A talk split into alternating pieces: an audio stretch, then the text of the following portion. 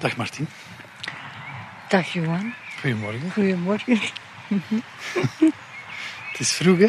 Het is zeer vroeg, ja. ja. Maar ja, maakt niet uit. Ik heb niet veel geslapen. Zo. Nee? Nee, ik vond dat wel spannend. Ja. Het uur blauw is begonnen. Nog nooit gezien eigenlijk. Van hier zo, dat is echt mooi eigenlijk. Ja. Rustig. We gaan er aan beginnen, hè, Martin. Ja, dat doen. Kom er weg. Tijdens de coronacrisis werden uitzonderlijk veel overlijdens opgetekend. Oversterfte heet dat. Mensen werden een cijfer op een dagelijkse persbriefing. De verhalen achter deze overlijdens vertellen we in deze podcast. Vroeg in de ochtend, nog voor zonsopgang, ging ik wandelen met mensen die woorden proberen te geven aan hun verlies. In de hoop dat met de zon ook echt een nieuwe dag kan aanbreken. Martien de Laat is sales support en verloor haar schoonmoeder na een val in het woonzorgcentrum. Haar man Luc kan zijn verdriet niet delen en zet zijn dagelijkse routine met zijn overleden moeder verder. De Netendijk in Duffel is het decor voor dit verhaal. Donker ziet dat er allemaal anders uit. hè.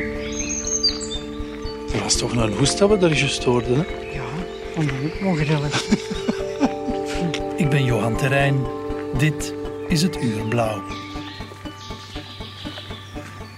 Wat voor iemand was de schoonmoeder? Mijn schoonmoeder, dat was eigenlijk iemand uit de duizend. Zowel voor mij en als schoonmoeder, hè, dat is soms niet zo evident, hè, dat hoorde niet te zeggen. Maar zij was voor mij een uit de duizend. Eh, en voor Luc, ja, die hadden een hele, hele goede band samen. Omdat mijn schoonvader heel vroeg overleden is. Die was maar 66 en zij een beetje verloren liep in dat grote huis. Wij net dat appartement eh, gekocht hadden en die beneden nog vrij was. Dat dat eigenlijk een logisch gevolg was. Allee, dat hij daar onder ons kwam wonen. Allee, dat klikte heel goed en ik was daar ook van overtuigd dat dat ging goed zijn. En heeft ze daar nog 25 jaar met ons samengewoond. Maar dan, ja, op latere leeftijd dan, eh, ja, werd het wat donker in haar hoofd. En ja, dan begon die dementie zo wat binnen te slapen. En ja, dat was het eigenlijk een geschenk, een beetje, dat Luc vroeger is kunnen stoppen met werken. Eh, en dat hij eigenlijk, eigenlijk voor haar zo wat mantelzorger geworden is. En dan begon zo die, begonnen ze zo die dingen te hebben, die, die vaste, dat vast weekschema. Ken je dat plannen? Ja, dus de maandag, dat, hè. Ja, En dan ging liters. soep mee aanmaken. Ja, ja zo'n hele grote kastrol. En dan, Daar kwam een week mee toe. ja, en dan, kwam en dan legde zij uit wat we allemaal moest doen. Hè. De dinsdag hadden ze een vrije dag, want dan, eh, ja, dat was vroeger zo, als ze de ijscreme, het ijscremesalon nog hadden, was een dinsdag ook een vrije dag. Dus hij hield hij zo. Woensdag poetsten ze samen beneden, donderdag poetsten ze samen boven. En de vrijdag was voor haar kappersdag en theekransje met, eh, met enkele vriendinnen. Dus dat was eigenlijk zo echt een vast Schema. schema. Hè? En dat, allee, dat lukte dus echt eh, heel, heel goed. En eh, ja, En hoe, hoe is dat voor jou als, eh, als vrouw, dat er, om, om te zien dat er zo'n sterke band is? ik had enorme bewondering eh, op dat moment ook voor Luc. Want hij had een engelen geduld. Want door het feit dat ze stilaan dementerend was. Ja, vroeg ze natuurlijk soms vijf keer Of, hè, en dan konden die daar zo zitten genieten. 's middags een tasje koffie. En dan vroeg hij wel, dan zei hij wel vier keer... Weinig volk in de straat, hè. Ja, ja maar weinig volk. Hm. Ja, dat is toch, toch weinig volk in de straat. Allee, je kent dat, hè. Dat, is, dat begint allemaal zo. En je kon daar... Je praatte met haar alsof zij nog gewoon de ma was zoals ze altijd geweest was. Hij negeerde dat, eh, dat feit dat, zij Dat dus, eh, dat, dat ze ziek werd. En wij gingen dan op vakantie en hadden beslist dus eh, samen met haar voor het kortverblijf te doen in een rusthuis. Omdat ze dus ja, alleen blijven, dat kon niet. En dan is ze dus na haar 90 verjaardag, om in eh, januari, zijn we dan vertrokken en is ze daar twee weken geweest. En dan zijn we teruggekomen. En, maar alles was eigenlijk voorzien dat zij gewoon terug naar huis kwam. Luc had het appartement netjes gemaakt, dat haar bedje klaar stond tegen als ze terugkwam. Maar dan kwam dus die plotse eh, beslissing die we moesten nemen om haar daar te laten. Als ze, als ze wilden en als wij het goed vonden. Want die kamer was mooi en ze kon die behouden. Uh, dus ja, dan hebben wij daar uren over gepraat samen. Dat was dan al een eerste ja, ingepraat op hem en gezegd van denk na, want het gaat er niet beter op worden. Ze, we wilden haar ook niet direct confronteren met het feit dat ze daar moest blijven. Dus we hebben zo gezegd, een beetje langer vakantie, hè, we zullen zien. Allee, dat vond ze goed. Maar ja, dat lot heeft dan anders beslist, want na een week is ze daar heel zwaar gevallen.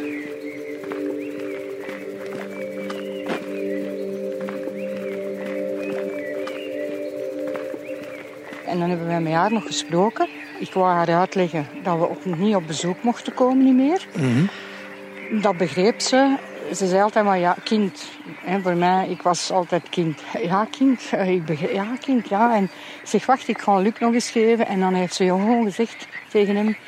Uh, het is allemaal goed, zoon. En ik hoorde haar adem nog. Maar ze antwoordde niet meer. Ik zeg, alleen, wat is dat nu? Allee, dit. En dan een dag erop is ze eh, met spoed weggebracht. En is in coma en hebben we dus niet meer kunnen spreken. En toen begon dat, dat raar gevoel al, dat je door een masker... En eerst en vooral, je komt in die kliniek en er is niemand. Allee, dat was zo onwezenlijk.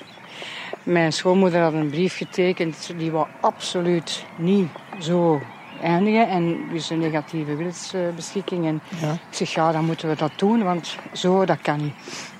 En zij hebben daar samen, hè, met Luc hebben ze dus ook mee over gesproken. Hij vond het natuurlijk ook correct uh, dat, dat dat zo zou zijn. En dan hebben ze gewoon alles afgesloten. En twee dagen later is ze dan vrijdag ingeslapen. Hè. Dus 25 maart is ze dan gestorven. Was dat een moeilijke beslissing voor uw man? Uh, ja, ja, dat was zeker een moeilijke beslissing. Want ik, allee, hij zei ja, en zou ze niet kunnen terug proberen. Ik zeg ja, maar wat wilt je als resultaat? Denk je dat je terug samen daar een pot soep gaat? Ik zeg nu zomaar iets gaat liggen maken, maar dat gaat niet zijn. Hè? Ik zeg, je moeder gaat, gaat misschien ja, iemand zijn dat, dat u niet meer kent. Hè? En, en dat, dat, ik zeg, dat gaat het toch niet willen, zoiets. Ik zeg, ze zei zo dikwijls, want zij was heel, heel kordaat in die dingen. Hè? Als ze mensen afzagen of dingen, ze, ja, bij mij moeten dat niet doen. Hè? Hmm. Vraag dan maar eens. Dat had ze genoeg uitgesproken. Ja, dat had ze genoeg. Zeg, dat gaan we niet aandoen. En dan is de, de specialiste, eh, de, de chirurg nog gekomen. En dan heeft zij ook nog eens herhaald dat er dus geen beterschap was. En dat we dus de beslissing die we nu zouden nemen, dat die wel goed was. Dat die goed alleen, mm. dat die ook dat die verantwoord was. Ja. En ja, dan was er natuurlijk, oké, dan was alle twijfel op dat moment weg. Ja. En uh, ik had direct gezegd, als jullie akkoord zijn, zal ik het allemaal op mij nemen. Kwestie van de, hè, de begrafenis. En mijn schoonzus, ja, die zag dat, dat mensen had ook verdriet. Hè. Luc, die is helemaal geen organisator. Ik ben iemand, ik, ik regel graag alles. Dus ik heb dat dan maar gedaan in... Allee, zo, ja, je bent maar bezig. In een drive? In een drive gedaan, omdat ik het beste altijd voor haar wilde. En ik dacht, ja, dat gaat hier niet het beste worden, want ik zag dat al komen. Hè. Geen volk mogen vragen, hè. Dan, dan krijg je dat weer. Hè. Dus je zit daar eigenlijk in een aula met zes mensen. Mm Als je achter u kijkt, is dat leeg. Ja. Dus dat is precies of we zaten daar op een repetitie in plaats van op een, op een ceremonie. Allee, uh, ik denk, allee, dat, enfin ja. Maar, niet tegenstaande dat, was dat een uh, heel mooie dienst. Uh, heel close, heel dingen. En, maar daar wrong dus wel een schoentje, omdat ja, de sociale contacten die we hebben, die hadden daar eigenlijk wel graag bij geweest. En vooral, Luc had dat graag willen, want hij wou met hen, met, met zijn verdriet kunnen delen en dat was niet mogelijk. En wat hem ook heel veel pijn heeft gedaan, was dat de beste vriendin van mijn schoonmoeder, even oud als zij, dat was een tanden. De een was de benen, de ander was het verstand. En die gingen altijd samen nog weg. En dat mensen hoort niet goed meer. Dus die kon en die kon en die mocht niet komen naar die dienst. En dat maakt tot nu, twee maanden later, Anneke nog altijd geen afscheid heeft genomen van mijn schoonmoeder. Want voor zijn oudere mensen is dat belangrijk. Die willen, dat, die willen daarbij zijn, want dat is voor hun een soort van afscheid. En in het begin was dat dan, ah, we gaan nog een dienst doen, we gaan een mis of zo doen, uh, we gaan, we gaan dat datum. doen op latere datum. Hè. Ja, dat zal dan al zeker veel later een datum als het nu zo hè, worden. Ja. Ik zeg, ja, voor mij kan dat. Hè. Ik zeg maar, beseft dat je terug veel wonden gaat open doen. Hè. Maar ik hoor dat, dat jij er niet zo'n voorstander van bent. Ik ben daar geen voorstander van. Nee. nee. Ik zou veel liever, zou ik met groepjes vrienden, dat we daar eens mee samenkomen. En dat we daar in beperkte kring dan een keer een babbel over doen met een goed glas bubbel, zoals mijn schoonmoeder zo graag dronk. Ik denk dat dat een beter idee zou zijn, maar ja, dat moet, uh, dat moet hij dat moet hij zelf. Allee, daar ga ik me niet, niet verder in moeien. Als hij dat echt wil doen, dan, dan sta ik erachter voor hem. Hè.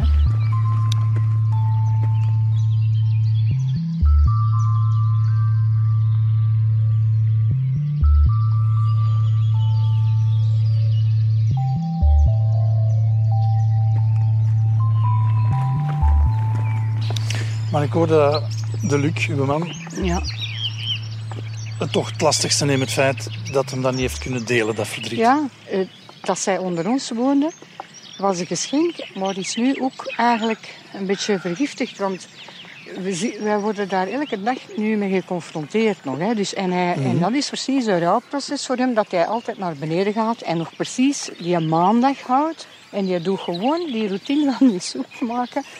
Elke maandag terug. Uh, ik ga werken, dus ik, ik laat je doen en dan kom ik s'avonds thuis en dan zegt hij, proef een keer. En ik heb het gedaan, like ons maat. Hè. Meer peper, meer dit, meer dat. En dan denk ik... En dan zie ik dat hij er eigenlijk van genoten heeft. Dus wat, moet ik daar dan op zeggen? Dat is waarschijnlijk een soort van rouwproces dat hij doormaakt. Hè. Die, uh, ja, dus hij blijft... Dat en hij gaat dan echt naar beneden in die keuken koken? Ja, in die keuken gaat hij koken. En hij heeft daar ook consequent alles laten staan. Hè. De, de kruiden, de potjes, de, alles. Hè. Dus tot nu vorige week. Hè. Nu zijn we echt na twee dus, maanden... Ja, dus hij heeft twee maanden, zeg maar, die routine die hij had met zijn moeder... Ja.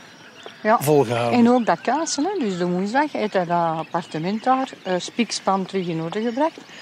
En dan zei hij altijd, oh, dat is toch straf. Alleen, dan moeten dat bed daar zien staan. Hè? Dat is precies of die gasten biedt naar huis komen en zeiden, kun je dat nu geloven? Ik zeg, ik zeg ja. Had je dat gevoel dat er nog op haar wachtte? Ja, het, nog. Nog? Nog, nog ja, ja. Eh, nog. Ik zeg het. Ik weet niet of dat, dat echt zo gezond is. Hm. Wat hij doet. En ik ben geen psychiater, dus ik, ik kan dat niet zeggen. Maar je maakt er nu zorgen. Maar dan heb ik wel een paar keer dat gezegd. Ik zeg, uh, of zo dat ik zeg, zeg ja, of zo stilletjes aan de telefoon met een goede vriendin. Ik zeg, zeg dat ze vroegen hoe het met Luc. Ik zeg, ja, hij is weer beneden. Hè. Ik zeg, uh, ik weet niet dat dat... Maar die hadden allemaal dezelfde ding. Die zei, Martien, laat hem doen. Want gaat er niet tegenin, want dat heeft geen zin. Hè. Ja, waarom zou ik daar tegenin gaan? Hij, doet hij daar niemand geen kwaad mee. Tenzij zichzelf misschien wat pijn, ja. Dus uh, ik liet ik hem dan maar stilletjes doen. Hè. Door de lockdown is het appartement natuurlijk ook twee maanden niet kunnen leeggemaakt worden. Wij zijn stilgevallen met alles. Hè. Dus ja. Uh, ja, dat bleef daar allemaal staan. Hè. Je, kunt niet, je kunt niet verder. En, ja, en dat heeft hem misschien heeft ook een beetje de, eh, de oorzaak geweest dat dat zo lang is blijven duren, denk ik. Want anders zou hij die kans niet gekregen hebben. maar dan aan de andere kant vraag ik me af, ja, misschien misschien was dat wel goed dat hij dit heeft kunnen doen. Want met wie anders had hij moeten praten dan met mij, natuurlijk. Eh, ik kan hem altijd praten, maar ik kan ook maar zeggen wat ik kan zeggen. Ja. En, en, en dat heeft misschien toch, toch een stukje van daar houden mee, mee allez, daarvoor gezorgd dat dat door kan gaan. Ik weet het niet. Zie die smart. De hemel kleurt een beetje roze. Ja. En hoe heet nu schoonmoeder? Rosa. Rosa Dat is dus niet toevallig. Rosa.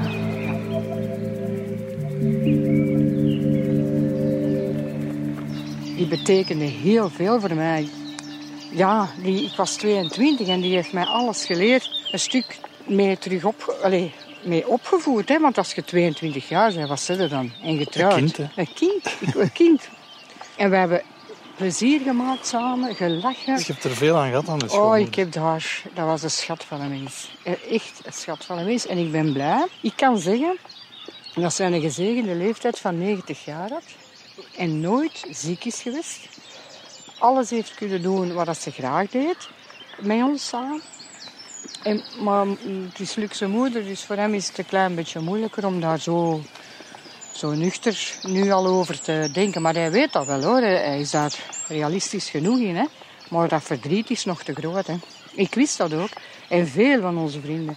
Die zeiden, Martien, wat ga je ooit doen als, er iets met, je schoonmoeder gebeurt? Je gaat er moeten zijn, hè, want Luc, uh, ja, dat, dat gaat, niet goed zijn. Dat gaat zeker niet goed zijn. En, en toch is het nog altijd anders gelopen dan dat ik gedacht had. Want ik had het ook anders. Ik had verwacht dat hij veel meer zou wenen. Depressief zijn of dingen. En dat is eigenlijk niet gebeurd. Hij in zichzelf gekeerd ja, Hij gaat er anders mee om. Hè. Hij staart. En dan zie ik dat hem aan het denken is. Uh, kijken we wat tv, dat printje staat daar. Ja, dan kijken ze nog meer naar het printje als, als naar, naar, naar tv. En dat, dat mag, dat moet. Maar hij zal dat niet zeggen. Hè. En dan zeg ik, wat is het? Ja, dan zit het in mijn oog. Ik hem dan, allee, zo. ja, maar ja. Dus voor mij mag hij gewoon zeggen, ja, ik kijk naar Sma, want ik, ik mis die en ik, en ik dit. Maar, maar, maar uh, ja, dat zit zo niet in hem, ja. Hij moet dat zelf, we praten natuurlijk nog genoeg zijn, uh, erover, daar niet van. Kan hem zich dan een beetje uitdrukken emotioneel? Ja, ja maar uh, ik heb ik zeg het maar één keer zien echt wenen. En dat was het moment dat ze gestorven was. Dus dat ze ons opgebeld hadden dat ze dus uh, overleden was. Maar voor de rest, niet dat ik het gezien heb, maar misschien wel beneden. Als hij daar bezig was uh, met zijn ritueel. Misschien, misschien kon het daar wel loslaten. Dat hij het daar heeft losgelaten. En dat dat misschien zijn vluchtplaats was aan dat vuur. Om, om dat daar een beetje... Maar, maar aan mijzelf Nee, nee dat, uh, dat heeft hij niet meer gedaan. Dus ja. Dit is de neten. Ja. Uh, en wat is dit dan? Het, het, is toch geen aardrijkskunde, is het? Ja, maar jij zegt van hier, oh, Ik weet niet wat dat is. Is dat erbij? Nee, ik weet dat niet. Wat, wat We lopen hier eigenlijk op een dijk tussen twee waterwegen. Ja, maar nee, ik denk dat je samenkomt. Maar ik weet niet, ik weet niet. Ik weet niet, hoor. Knip dat eruit, want ik weet het niet. het sas, ik weet dat hier het sas is en dan... Maar, ja. Het is eigenlijk bijzonder dat jij bij mij komt wandelen en niet de Luc zelf. Ja, ja dat is zo. Die, dat is geen babbelaar. Die, die legt zijn, zijn, zijn dingen niet bloot. Ik kan dat zo niet verwoorden. Gewoon om te zeggen, hè, als hij vroeger bij het leger was met zijn vriend, heel lang geleden dus, dan schreven ze om de zoveel dagen een liefdesbrief naar hun vriendinnetjes. Hè. Mhm. En de Hugo, zijn maat, en had al vijf brieven geschreven en de Luc had drie zinnen op zijn blad staan. en dan zei de Hugo, allee kom, geef die een brief hier. En dan schreef de Hugo heel die brief op een paar minuten. Dus je hebt heel veel brieven van de Hugo gekregen ja, eigenlijk? dat was ik niet. Ah, dat was, was nog een lief. dat, was, dat was een eerste lief. Maar vindt de Luc er eigenlijk van dat wij hier zo over hem aan het spreken zijn? Ik, uh, ik, die vindt dat dus geweldig, denk ik. Omdat hij, hij vindt dat een eer voor haar, voor zijn moeder. Ja. Dat we daar, dat, dat we daar nog aandacht aan geven. Aandacht aan geven. Hij vindt dat echt een eer. Hij zegt, ja, dat is, dat is fantastisch dat dit nu komt, ze Dat, dat heeft zo moeten zijn, dat hij mogen zijn, zegt. Dus jij bent een beetje in de loop van zijn leven zijn spreekbuis geworden? Ja, absoluut. absoluut. Die, dat, allez, dat zegt hij toch. En, en, en, ik vind dat ook een hele goede rol. Want als hij dan zegt van, ja, zeg, ligt gaan we maar uit. Allee, bijvoorbeeld, dan belt er iemand van een Bofrost.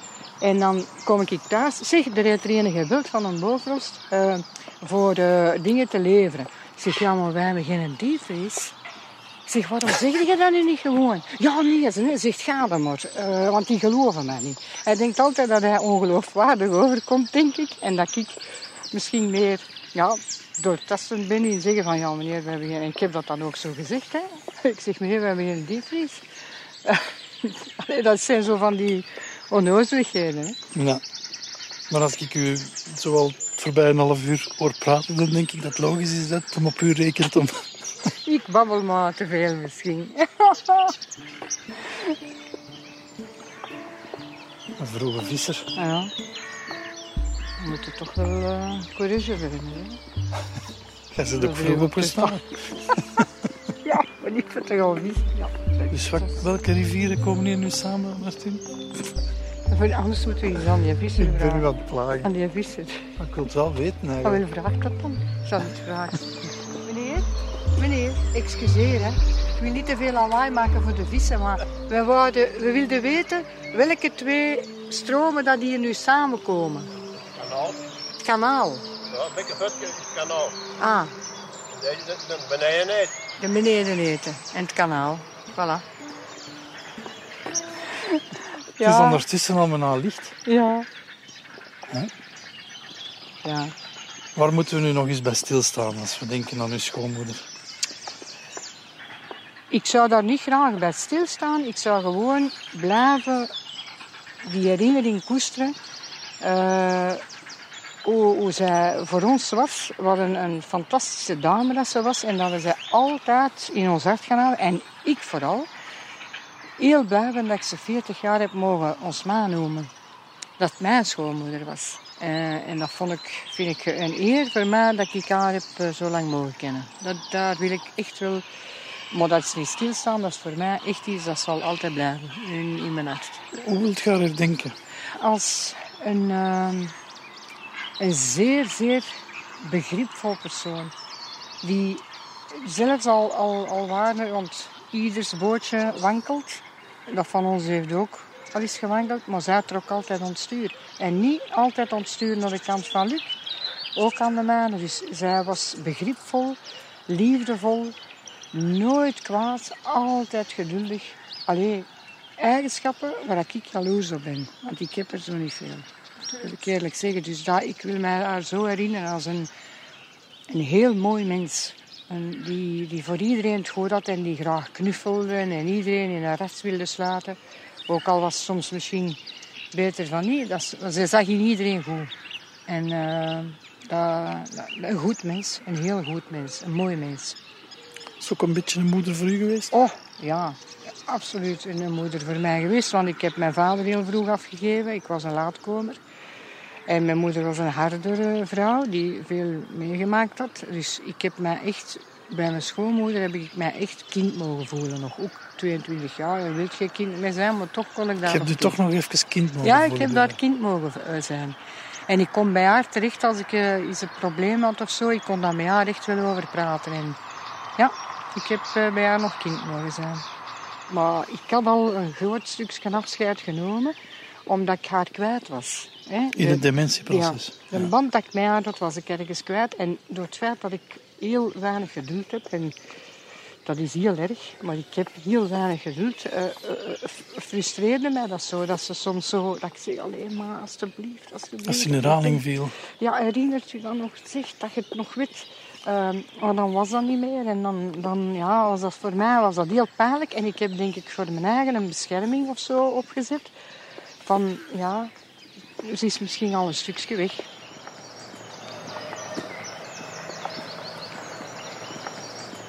Waar gaan we de zon zien opkomen, Martien? En ons ergens, eh, ergens op een plekje zitten dat we het kunnen zien. Hè. Ja, van dingen zien. Ik denk dat we op de muur van de sluis moeten gaan zitten. Ik weet niet dat dat Zijn die avontuurlijk, Martien? hè. Ja, Gaan we als erop mijn, klimmen? eh, rok niet scheurt, ja, niks hè. Hier, daar is Daar is een trappetje. We moeten wel voorzichtig zijn, want we mogen niet in de sluis vallen. Hè. Amai, dat zal nog wel eens een interview zijn. ja, Is het goed voor u Ja, of, of ja. ik te... tuurlijk.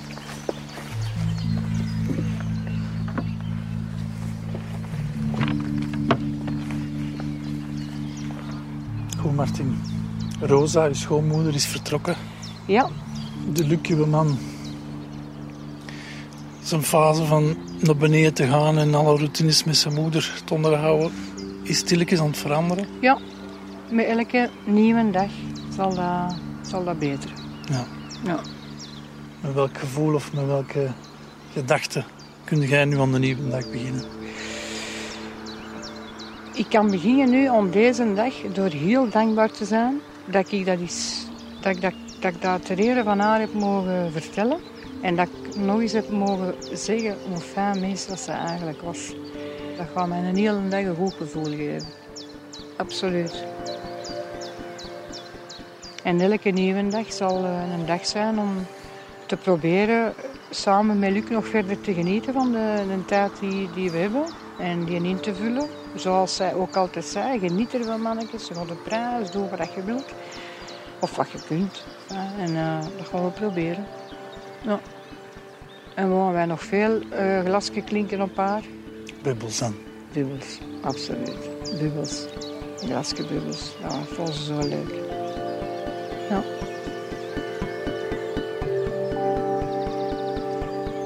En dan zal ze zeggen, kind, het was goed.